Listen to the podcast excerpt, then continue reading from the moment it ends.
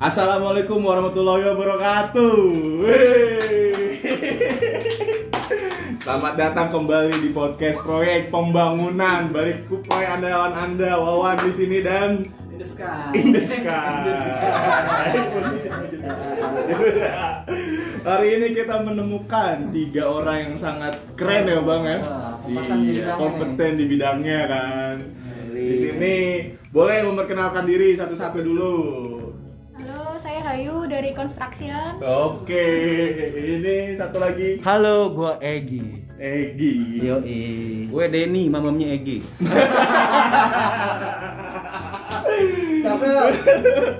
Oke. Turbor. Eh, ya kita udah kedatangan dari tiga orang ini ya bang ya, Iya. tiga orang yang Ini expert ditunggu ini ya, ditunggu-tunggu ditunggu banget ya. Kejeb- iya. Akhirnya mereka terjebak juga ya. Bang rokok dong sih aslinya. Tadinya dihindarin terus lah kayak gini-gini nih. Iya, bener. Kalau lu kejebak ya emang dari awal lah. Tapi ini mudah-mudahan aja suaranya bagus ya, karena kita diambilnya nggak di studio yang bagus, karena di tengah-tengah proyek ini ya bang ya. Iya. Itu salah satu kekurangan kita nih Mas ini. Oh, jadi jadi kalau ada kontraktor BUMN yang mau nyediain studio buat kita, Boleh langsung aja ya. padahal nggak ada yang dengerin aja. Ya? Yang dengerin dia lu sendiri. Oke, untuk pertanyaan yang enak? kok pertanyaan yang enak? Enggak, gue pengen sharing. sharing aja. Dari di sini ada tadi ada Mbak Hayu, ada Mas Egi dan Mas Denny. Basicnya kalian itu apa sih Mas waktu kuliahnya kalau boleh tahu dan kalau boleh nyebutin nama kampusnya itu. Boleh. Ya silakan dulu. Saya dari Sipil Undip. Oh, angkatan sipil undi. 2011. Wih, keren. Wah, rusak. Kamu rusak. Lanjut, lanjut, lanjut, lanjut. Saya buat aja loncat tuh. Aduh. Gua Egi eh arsitek undip. Arsitek undip. Ya, anak undip, undip, Anak undip, undip. undip clubs ya katanya. Iya. Gue Denny, anak Sunan Giri. Berarti.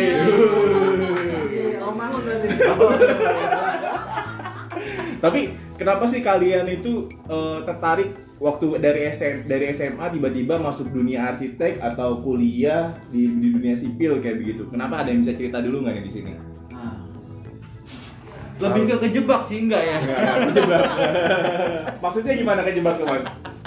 Enggak, kalau gue dulu dari leluhur. dari leluhur gue, terutama bokap gue sih, bokap gue tuh pengen banget. Dia dulu bercita-cita jadi interior design. Jadi interior design yang pengen mendesain rumahnya sendiri, rumahnya orang lain, sehingga itu ditularin ke gua, Anak-anaknya ya. ke anak-anaknya, terutama gua sih. Gua di ini loh, kamu ngedesain lah, keren dong ngedesain tuh. Kamu bisa, kamu membayangkan dan mengimplementasikan ya, Implementasikan. Di lapangan tuh seru. Dari yang kita bayang-bayangin sampai jadi. Nah,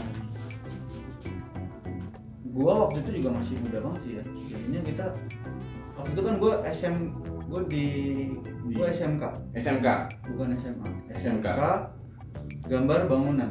Oh, berarti memang diarahkan dari kecil ya mas ya? Udah dari diarahin lu udah udah dari udah diarahin. Nanti lu ke ke sini di terus habis dari SMK lu ke D3 supaya lu siap benar-benar siap. Lo harus kerja. Pada saat itu juga lo harus kerja lo kerja. Kalau lo masih bisa lanjut lo lanjut lagi lo perdalam lagi tapi basicnya lo udah punya semuanya gitu Dari zaman waktu SMK gambar bangunan. bener Tapi memang dari kalau anak-anak arsitek itu kan memang ada jiwa seninya nih mas. Apakah Mas Egi memang ada jiwa seni di dalamnya ataukah memang mengikuti atau gimana coba deh jelasin. ya let it flow aja sih nggak punya sih sebenarnya ya Iya, Biasanya kan anak arsitek jago gambar ya? Wih, nggak nggak nggak selalu Oh nggak tahu. Terima kasih kalian. kalau di AutoCAD pasti jago semua garisnya kan lurus terus Iya iya iya iya, iya. kecuali dia minta untuk bengkok-bengkok kalau enggak mah lurus lurus aduh Oh jadi begitu. iya. Nah, kalau misalnya dari Mbak eh, Mas Mas Denny dulu deh. Denny. Mas Denny. Iya, Mas Denny. Oh, yang pengalaman paling banyak nih. Nah, syarat pengalaman ya, syarat pengalaman nih. Kalau gue sih sebenarnya berawal dari keterpaksaan. Wadah. Jadi ceri- ceritanya itu waktu gue SMP Hmm. pengen daftar ke STM SMK. Sebenarnya gue daftarnya dulu jurusannya otomotif sama listrik. Ternyata anak listrik juga. Karena dulu gue berharap kan anak otomotif keren kan gitu zaman itu. Hmm. Tapi datang bokap gue begitu gue ngisi Bokap lagi ya. ngisi apa? Ngisi sekolah. Bokap gue bilang, lo ngambil bangunan den. Kalau kagak nggak gue sekolahin lu katanya. gue terpaksa lah akhirnya gue milih bangunan. Sampai akhirnya gue masa depan gue ya di bangunan. Banyak orang bilang jangan pernah maksain keinginan anak. Hmm. Tapi kayaknya nggak ber- nggak berlaku buat gue. Sama kok juga. Tapi nyatanya gue survive juga di sini. Tapi setelah dijalanin enak ya, Mas? setelah gue jalanin kerja gue kan kerja lang- pas begitu lulus STM langsung kerja. Hmm. karena ada masalah biaya saat itu kan. Hmm. nah terus gue lihat teman-teman gue yang S1 cepet banget naiknya. Sedangkan gue di situ-situ aja selama mungkin hampir lebih tiga tahun 4 tahun. Mantap ya. mandel sampai ada kawan yang nyaranin intinya ini ini ini Indonesia den. Lo butuh gelar nama di depan atau di belakang lo biar lo juga bisa naik. Itu yang motivasi gue jadi kuliah S1 sampai S2 Gokil, luar biasa. Mantap. Nah, kalau misalnya Mbak Hayu nih, kenapa tiba-tiba Mbak Hayu itu pengen masuk sipil? Emang waktu SMA langsung kepikiran itu atau kayak gimana ya, Mbak? Enggak sih. Kenapa Ya awalnya pengennya sebenarnya elektro. Elektro. Karena kakak saya kan elektro. Oh, elektro lagi. Kenapa tuh elektro? Ya, kakak, kakak. aku kan elektro, Oh. kerjanya bagus tuh di PLN, pengennya elektro. Coba elektro Mbak jadi ME bareng saya, Mbak. Iya. Eh, Ya udah, eh, kalau nggak elektro, ekonomi, tapi orang tua nggak Hmm. ngebolehin kan. Hmm. Ya udah, SNMPTN, aku daftar tuh hmm. sipil sama elektro. Aku pikir kan nggak keterima tuh, paling Hmm. keterimanya di elektro. Ternyata keterima sipil ya udah. Oh. Gitu. Berarti rata-rata semua karena orang tua ya. Semua itu rata-rata karena orang tua ya. Lah. Oh, oh, begitu. Tapi Mbak Hayu, boleh tahu nggak Mbak Hayu IP-nya berapa? Nggak usah disebut lah. Empat lah. Ya empat lah, lu bayangin pasti. Mbak Hayu gimana anak undi lulus cum Ya, laude ya, gitu enggak, kan ya. IP-nya seberapa begitu. Tapi gini, kita tadi udah ngomongin kuliah. Nah sekarang Ngomongin apa? eh, mau ngobrol di sini ada pengalamannya yang seru tuh apa? Kenapa yang bikin lu pada bertahan di sini Bang Denny di dunia sipil ini konstruksi ini? Apa yang bikin lu bertahan? Pengalamannya? ini agak sedikit religius ya kalau gue ya. Wuh, gila review. Nih, Gua gua ajan dulu kan ya. ini kisah nyata nih. Kisah nyata.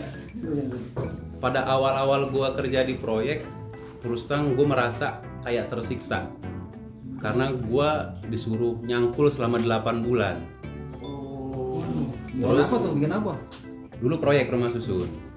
Ada empat gedung lima lantai gue punya bos yang menurut gue killer banget lah. Sampai akhirnya gue hampir nyerah. Hmm. nyerah terus gue sholat di sepertiga malam. Nah dalam sholat itu sampai sekarang masih terngiang di telinga gue hidup gue ada di sini. Hidup lo ada di sini. Hidup lo ada di sini. Itu terus yang diingetin dalam telinga gue sampai akhirnya gue bertahan dan alhamdulillah gue bisa survive di bidang ini Tuh, oke. ini kisah nyata Totalnya udah berapa tahun mas? Dari pertama kali lu masuk ke, ke dunia proyek. Hmm. hingga sekarang 18 tahun lah Wajib. Itu berarti dari mulai tukang gali project management, eh project project manager, terus masuk ke MK, masuk ke owner kayak begitu. Gua dulu ngawalin dari bilang sih asi- asisten pelaksana, Hmm. tapi prakteknya gue nyangkul sama ngecor. Prakteknya ngecat sendiri, nyerut pintu sendiri, Bisa lo ya? dipaksa bisa, Jago banget. dipaksa bisa. Sampai akhirnya naik terus jadi quality control, pelaksana, kepala pelaksana, SM, PM, kontraktor, terus jadi MK, baru gue gabung sama teman-teman yang asik-asik di sini nih sekarang Ngasih. Sampai- Nggak usah disebut lah kantor dari mana. Iya betul. Sampai apa bang? Sampai jadi bapak sekarang. Sampai ya berapa? Nah, kalau Mas Egi tadi kita udah ngobrolin masalah kalau Mas Egi kenapa milih di kon- apa namanya di lebih ke arah arsiteknya tuh lebih ke arah pelaksanaan bukan ngedesainnya langsung Mas. Kan Mas Egi arsitek kan ya. Harusnya ya. Hmm. Hmm. Waduh, itu jawaban susah juga. Pertanyaan yang susah dan jawabannya juga susah. Lu udah bikin pilihan ganda aja. Biar gampang semua pilihan ganda ya.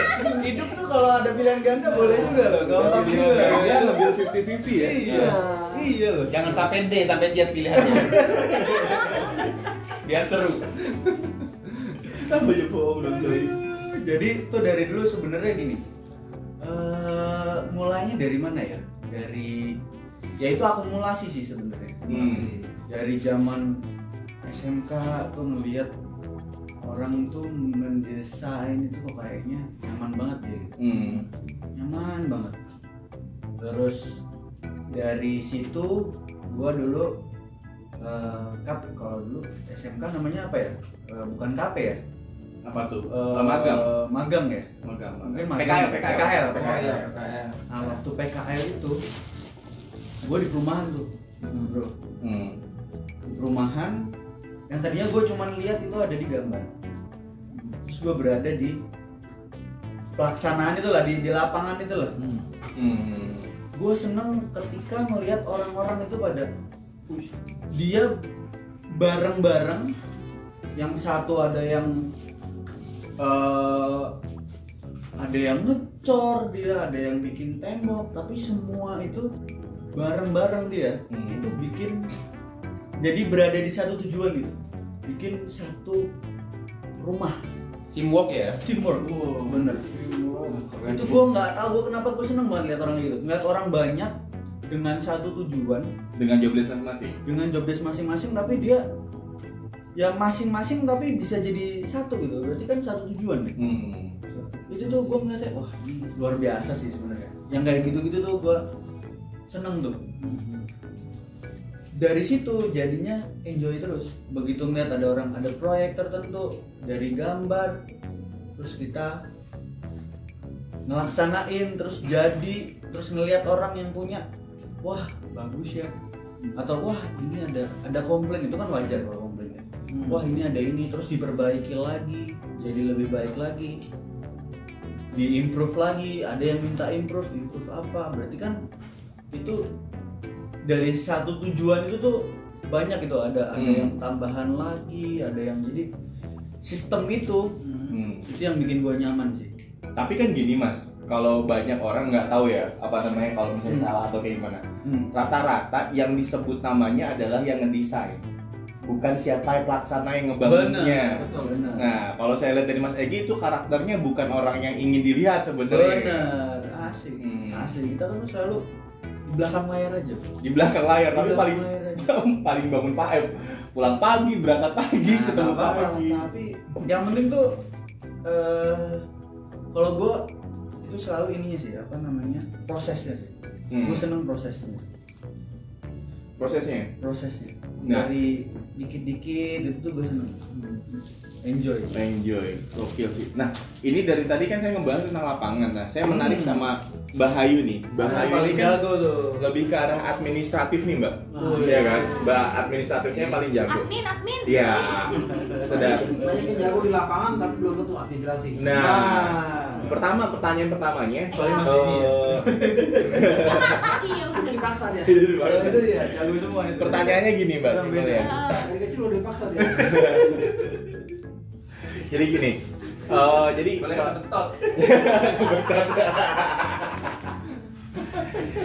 si tadi kan udah lapangan semua dan Bahayu teknik sipil.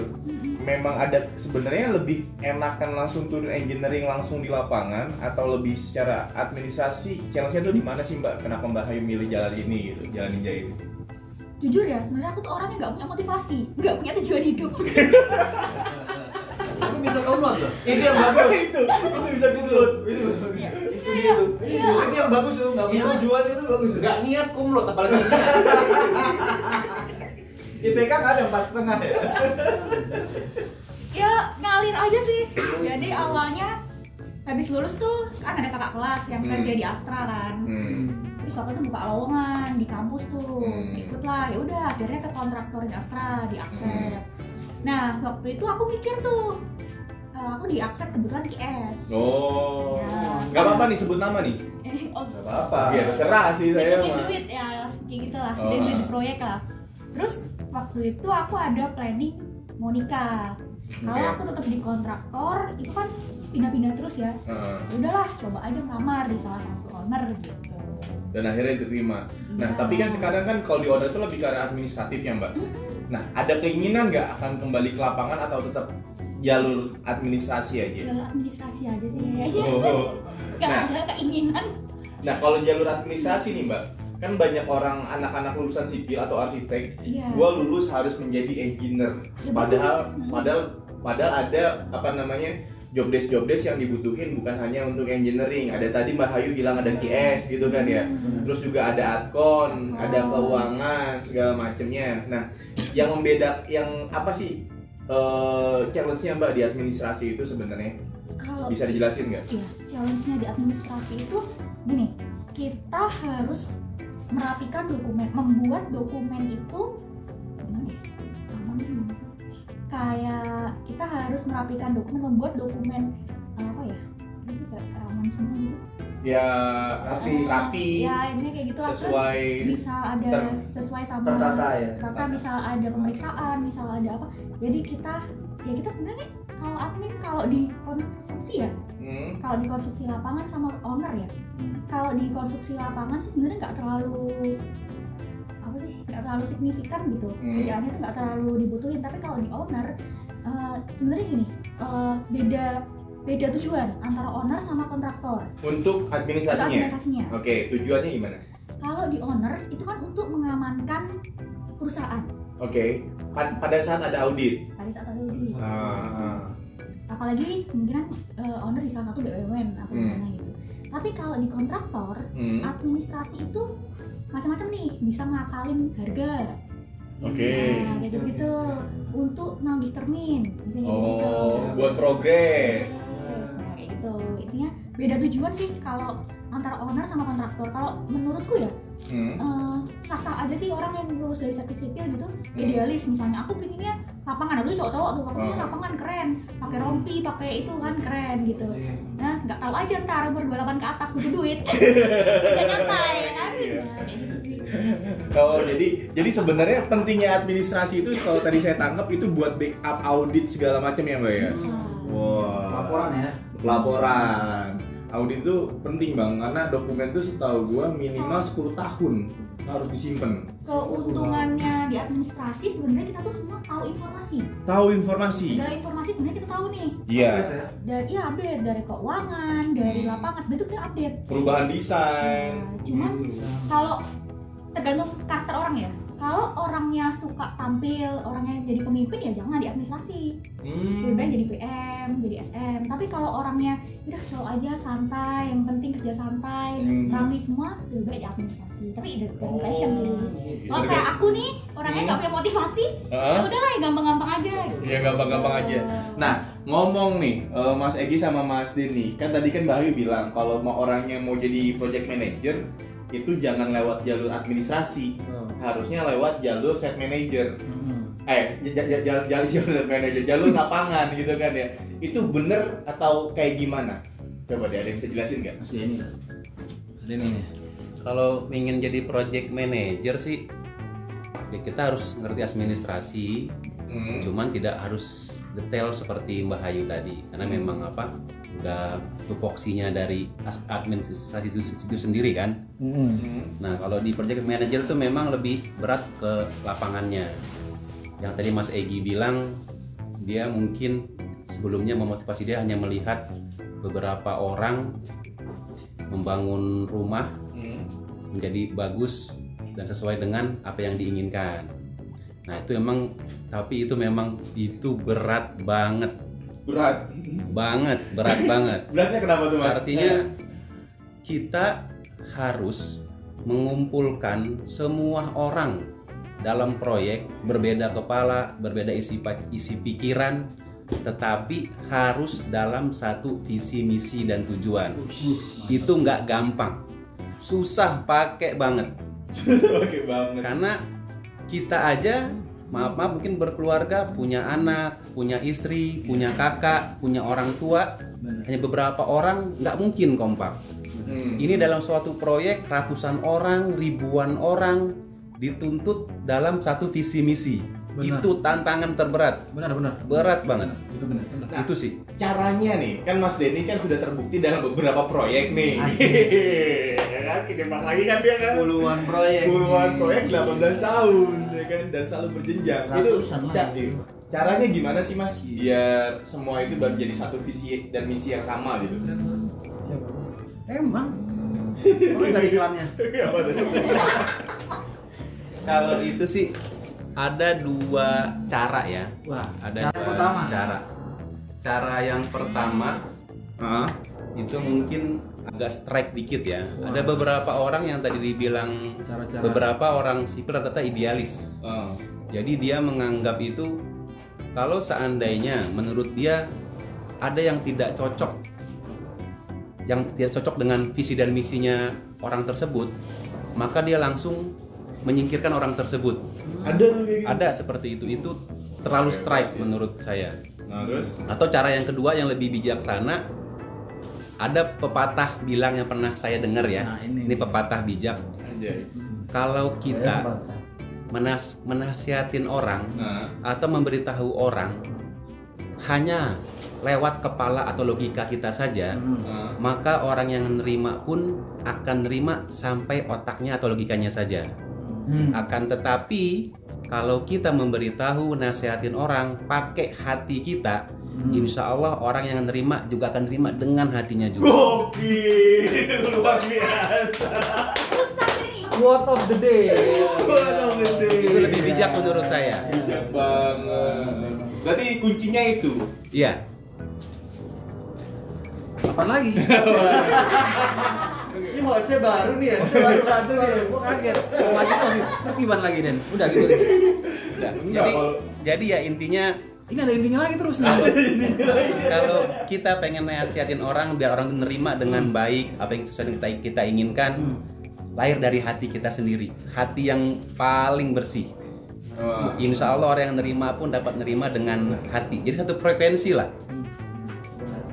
Oke, kalau begitu. Nah, dari sekian banyak proyek yang paling yang udah pernah dijalanin untuk Mbak Hayu, Mas Egi dan Mas Denny, proyek mana yang paling mengesankan?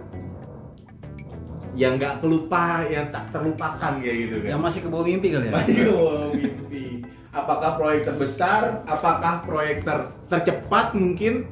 Apakah proyek terbanyak gitu? Mungkin Mas Egi? Atau proyek ternakal mungkin? Ternakal. Mas Egi atau Mas da- Mas Denny dulu? Mas Denny. Mas ini lah, ini proyeknya banyak proyeknya banyak macam-macam sih Wih. ada satu proyek Yang? yang dulu mungkin gue beranggapan semakin cepat akan semakin untung. Ini pengalaman kontraktor ya. Speed is Oke, profit. speed is profit. Baru lagi, baru lagi. Tapi pada kenyataannya begitu gue jalanin pernah tercepat se Indonesia dari sekian puluh lokasi. Nyatanya. Nggak untung. Jadi prinsipnya itu cepet nggak mesti untung Wah, salah ya. karena ternyata eh, apa namanya penggunaan kalau di kontrak itu penggunaan material sama metode itu menentukan bukan kecepatan tidak terlalu Makin Apa cepat material makin banyak yang dipakai. benar Metode. cocok Hmm.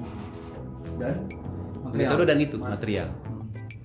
itu kuncinya di kontraktor Gitu ya. Kalau udah biasa menguasain itu, benar cuman juga ada beberapa masalah lain di tempat lain yang berkesan juga gue pernah proyek di Makassar waduh, jauh, jauh, jauh. itu mirip di ya, pantai Losari Wah, gue baru tahu saat itu ternyata Laut asin. tanah di laut kenapa tadi lah? laut itu ada yang milikin ternyata Serius lu? iya gitu jadi gue bangun di pinggir laut Hmm. kita uruk mungkin zaman sekarang bilangnya reklamasi ya Reklamasi. begitu udah berdiri kita pancang Bangunan. ternyata baru ada orang yang ngakuin itu tanahnya dia Masih modal di dalamnya.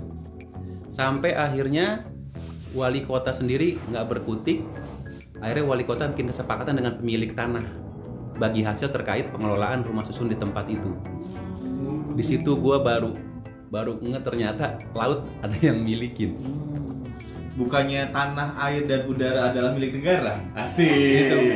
Sesuai dengan undang-undang. Itu sih yang BUMN, BUMN. yang paling seru. Sampai akhirnya pernah terjadi konflik antara wali kota dengan eh, warga pemilik tanah tersebut. Hmm. sampai mungkin kalau di Makassar kalau kenal pernah panah-panahan busur pakai paku itu. Oh. terjadi orang wali kota sama warga. Sampai akhirnya wali kota yang ngalah.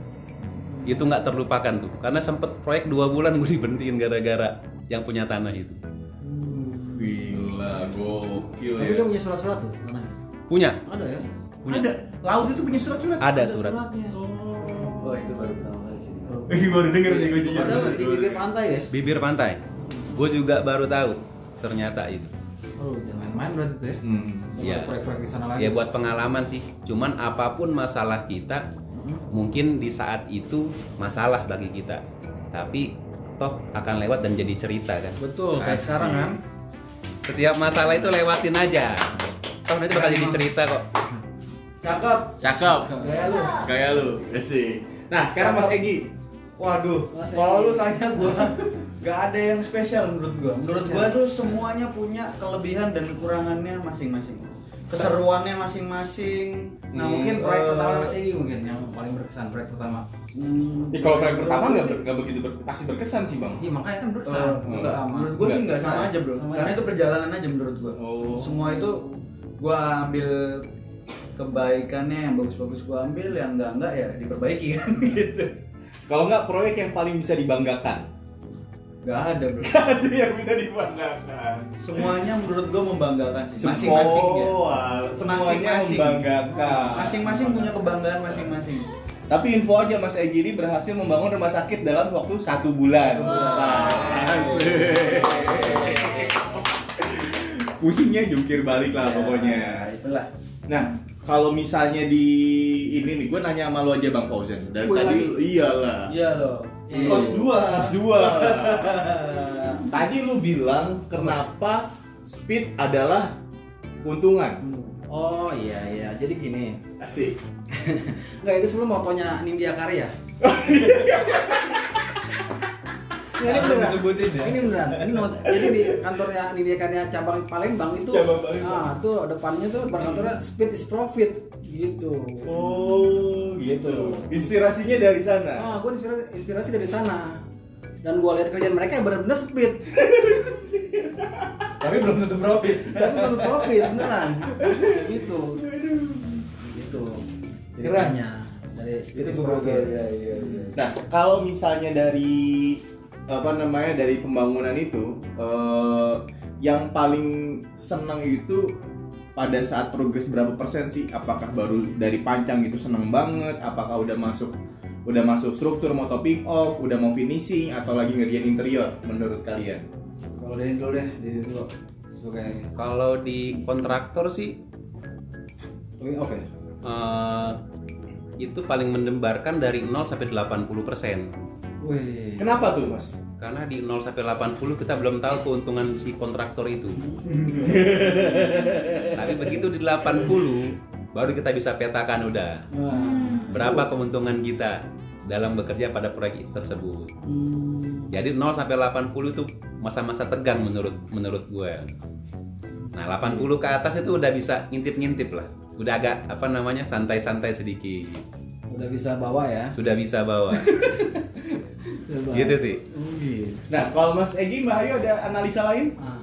Mungkin Kalau aku dari dua sisi ya. Hmm. Misalnya nih kalau dari kontraktor, aku dari sisi ke administratif aja ya. ya. Sama keuangan aja ya. Dari sisi kontraktor, kalau termin pembayaran BASC satunya udah cair, itu udah lega tuh. Nah, Oh. Jadi keuangan proyek kira-kira tuh udah Dapat bonus tenang, lah ya, ya. jalan-jalan Kita udah ya. tenang-tenang nih. Ke puncak kita. Oh nggak janji belum itu. Belum.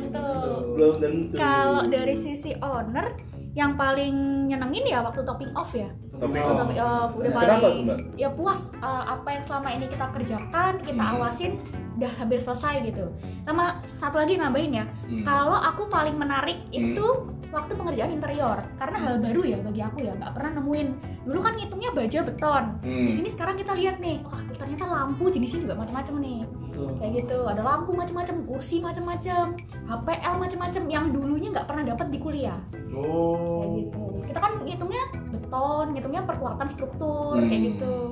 Ya nggak pernah itu dapat gitu di kuliah.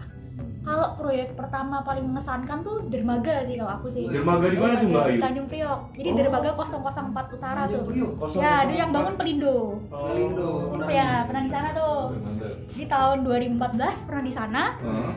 Kenapa? Asik sih. Eh, kalau biasa kan proyek eh, mancang Hmm. diriin bangunan udah ya. Ini enggak kita tuh mancang dalam banget. Jadi berapa ratus meter berapa ratus meter. Naik tongkang tuh kita nembakin koordinat kayak gitu gitu Oh pakai tongkang. pakai tongkang. Wih asli. nah terus keren. kecor. Nanti kecornya berapa meter? Jadi Ah. semennya yang dipakai tuh beda dari bangunan yang biasa gitu Mau tiga roda ya? Enggak. bisa bisa bisa bisa Gua kira, beda gua, gua kira ban mobil gitu kan. Gua kira ban mobil gitu. Terus oh, udah udah udah terus nggak nggak ada tempat berteduh tuh Gak ada tempat nggak berteduh, ada nggak ada bangun tempat dermaga bernaung. ya makanya ya direksi kitnya kita gitu. Direksi kitnya kita itu Hmm. dulu tuh harus nyebrang pakai kapal kapal kecil takbut namanya. Hmm, nah harus nyebrang tuh. Oh, kayak gitu di dermaga yang lain.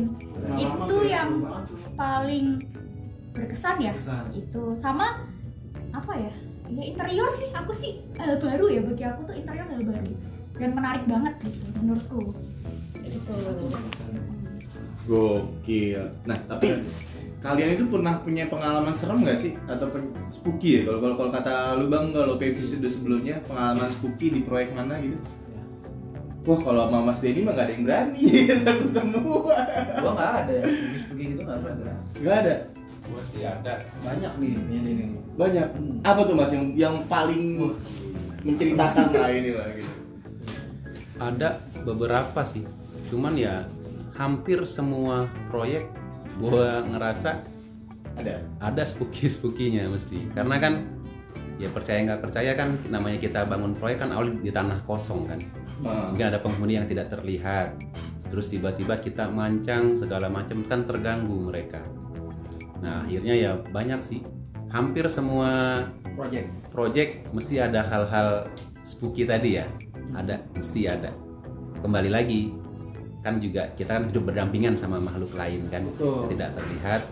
Mereka punya alamnya sendiri punya tempat tinggal sendiri dan biasanya mereka bertempat di tempat tinggal yang kosong. Yang namanya proyek pasti dibangun di tempat kosong nggak mungkin tempat rame. Artinya kita pasti sedikit banyak mengganggu makhluk makhluk yang tidak tidak, terlihat tersebut. Nah bentuk perlawanan mereka ya sama seperti manusia ada nerima begitu aja di apa namanya diganggu. Ada yang apa menampakkan diri mungkin beberapa orang melihat. Ada juga yang ya mungkin hanya terdengar suara tapi nggak ada bentuk. Ya macam-macam sih. Pada dasarnya sih itu. Pasti ada hal-hal yang seperti itu. Oke, jadi eh pasti setiap proyek tuh ada hal-hal yang aneh. Nah sekarang gue sedikit ada beberapa, gue nyatat ada beberapa pilihan ini. Dari tadi kan pertanyaannya esai. Nah, gue minta ada dua pilihan, pilih salah satu dan mengapa. Oke, dimulai dari siapa dulu Bang Fauzan? dari Bahayu. Mbak Hayu. Sebagai Oke. wanita pertama. Sebagai wanita pertama. Ini gue acak ya, nggak dengan dengan siapa aja ya, bebas ya. Oke, ini ada pilihannya. Pilih beton atau pilih baja? beton Kenapa? Kalau baja perku ngitung perkuatannya susah. Beton udah ada SNI-nya template-nya. Gitu-gitu aja dari tahun ke tahun nggak sama. Oh, iya. baja tergantung modifikasinya. Nanti ada tes tarik tes tekuk macam-macam lah. Tes leleh. Aduh repot lah. Bahayu dari lulus kuliah tahun kapan, Mbak? ya udah lama kok, udah lama. Kok udah lama kok masih apa? Lama beton lebih Beton. gampang perhitungannya. Nah. ya Hmm. Selanjutnya, Oke, Mas Egi, siap. Pilih as build atau forecon? Gambar Asbil. asbil atau foto? Asbuild lah. Yang udah jadi gampang kan? Iya, Lihat yang udah kepasang, Udah jadi tapi lama. ngikutin tapi lama. Kalau kita lama. Paling gampang ngikutin yang udah kepasang kan paling gampang. Iya, kalau menurut gua Asbuild. Paling gampang gambar asbil. Asbil. Asbil. ya. Walaupun agak sedikit capek ya. Iya. Oke, selanjutnya. Mas Denny, Mas Denny. Precast atau ready mix? Wah, ini. Wah, ini Pas jagonya nih, jagonya. Jagonya. Tahu. Kalau gua precast. Kenapa, Mas? Karena bokap lu.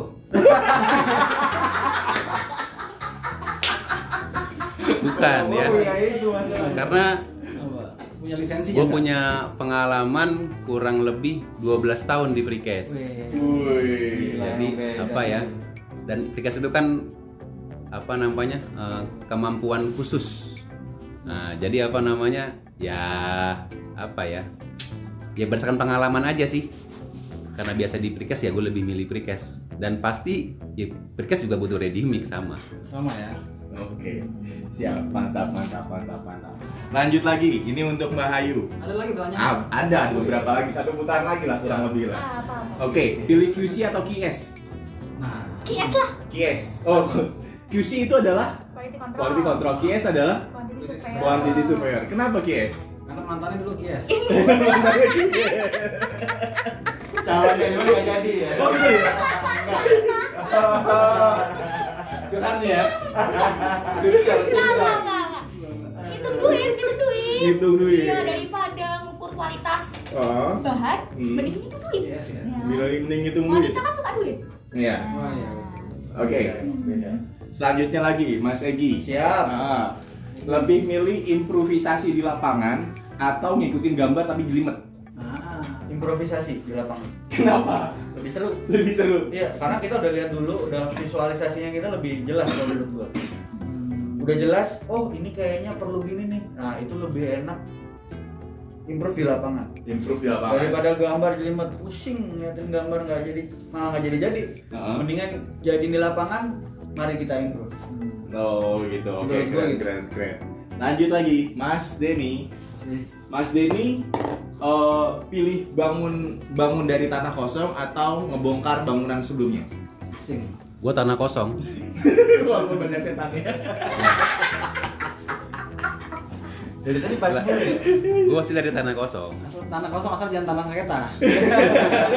Pastilah, itu pastilah. Masalahnya mantan juga nggak enak ya. Pasti, pasti. Bener, bener. Jadi tanah kosong. Tanah kosong. Nah, Ini ini apa yang host duanya nggak ditanyain? enggak udah aja Udah bosan, udah bosan. Udah bosan. Nah ini sebenarnya pertanyaan ganjil satu lagi nih. Wah. Pilih pilih high rise building atau jembatan? High rise. Building dan Mas Egi high rise. High rise. Bikin jembatan susah. Bikin jembatan susah. Kita nih ya kalau dari sisi sipil ya, jembatan tuh harus tahu transport. Transport. Harus tahu air. Air. Di bawahnya kan. Ah. Harus tahu tanah. Tanah. Apa tuh? Nah, susah kan harus tahu struktur. Gila teknis banget ya. Nah, susah lah itu lah. Kapan-kapan kayak bahas sama dia masa jembatan Iya. sendiri ya, kayaknya lebih canggih ya. Mas Denny, Akademisi ya. Gua high rise high rise. karena memang sekolahnya kita di bidang gedung terutama bangunan gedung. Oh, spesialis ya. Spesialis lebih di gedung. Gila. Oke. Mantap. Mantap. Mungkin kali ini cukup begitu aja. Terima kasih buat Mbak Hayu, terima kasih buat Mas Egi, Terima kasih. terima kasih buat Mas Denny Terima kasih. atas waktu yang kita dadakan seperti Ya. ini. Terima kasih udah diundang. Oke. Kuproy terbaik se Indonesia pamit. Ya. Oke, Gowan pamit. Gua Ojan. Ya, oke, pamit. Assalamualaikum warahmatullahi wabarakatuh. Waalaikumsalam.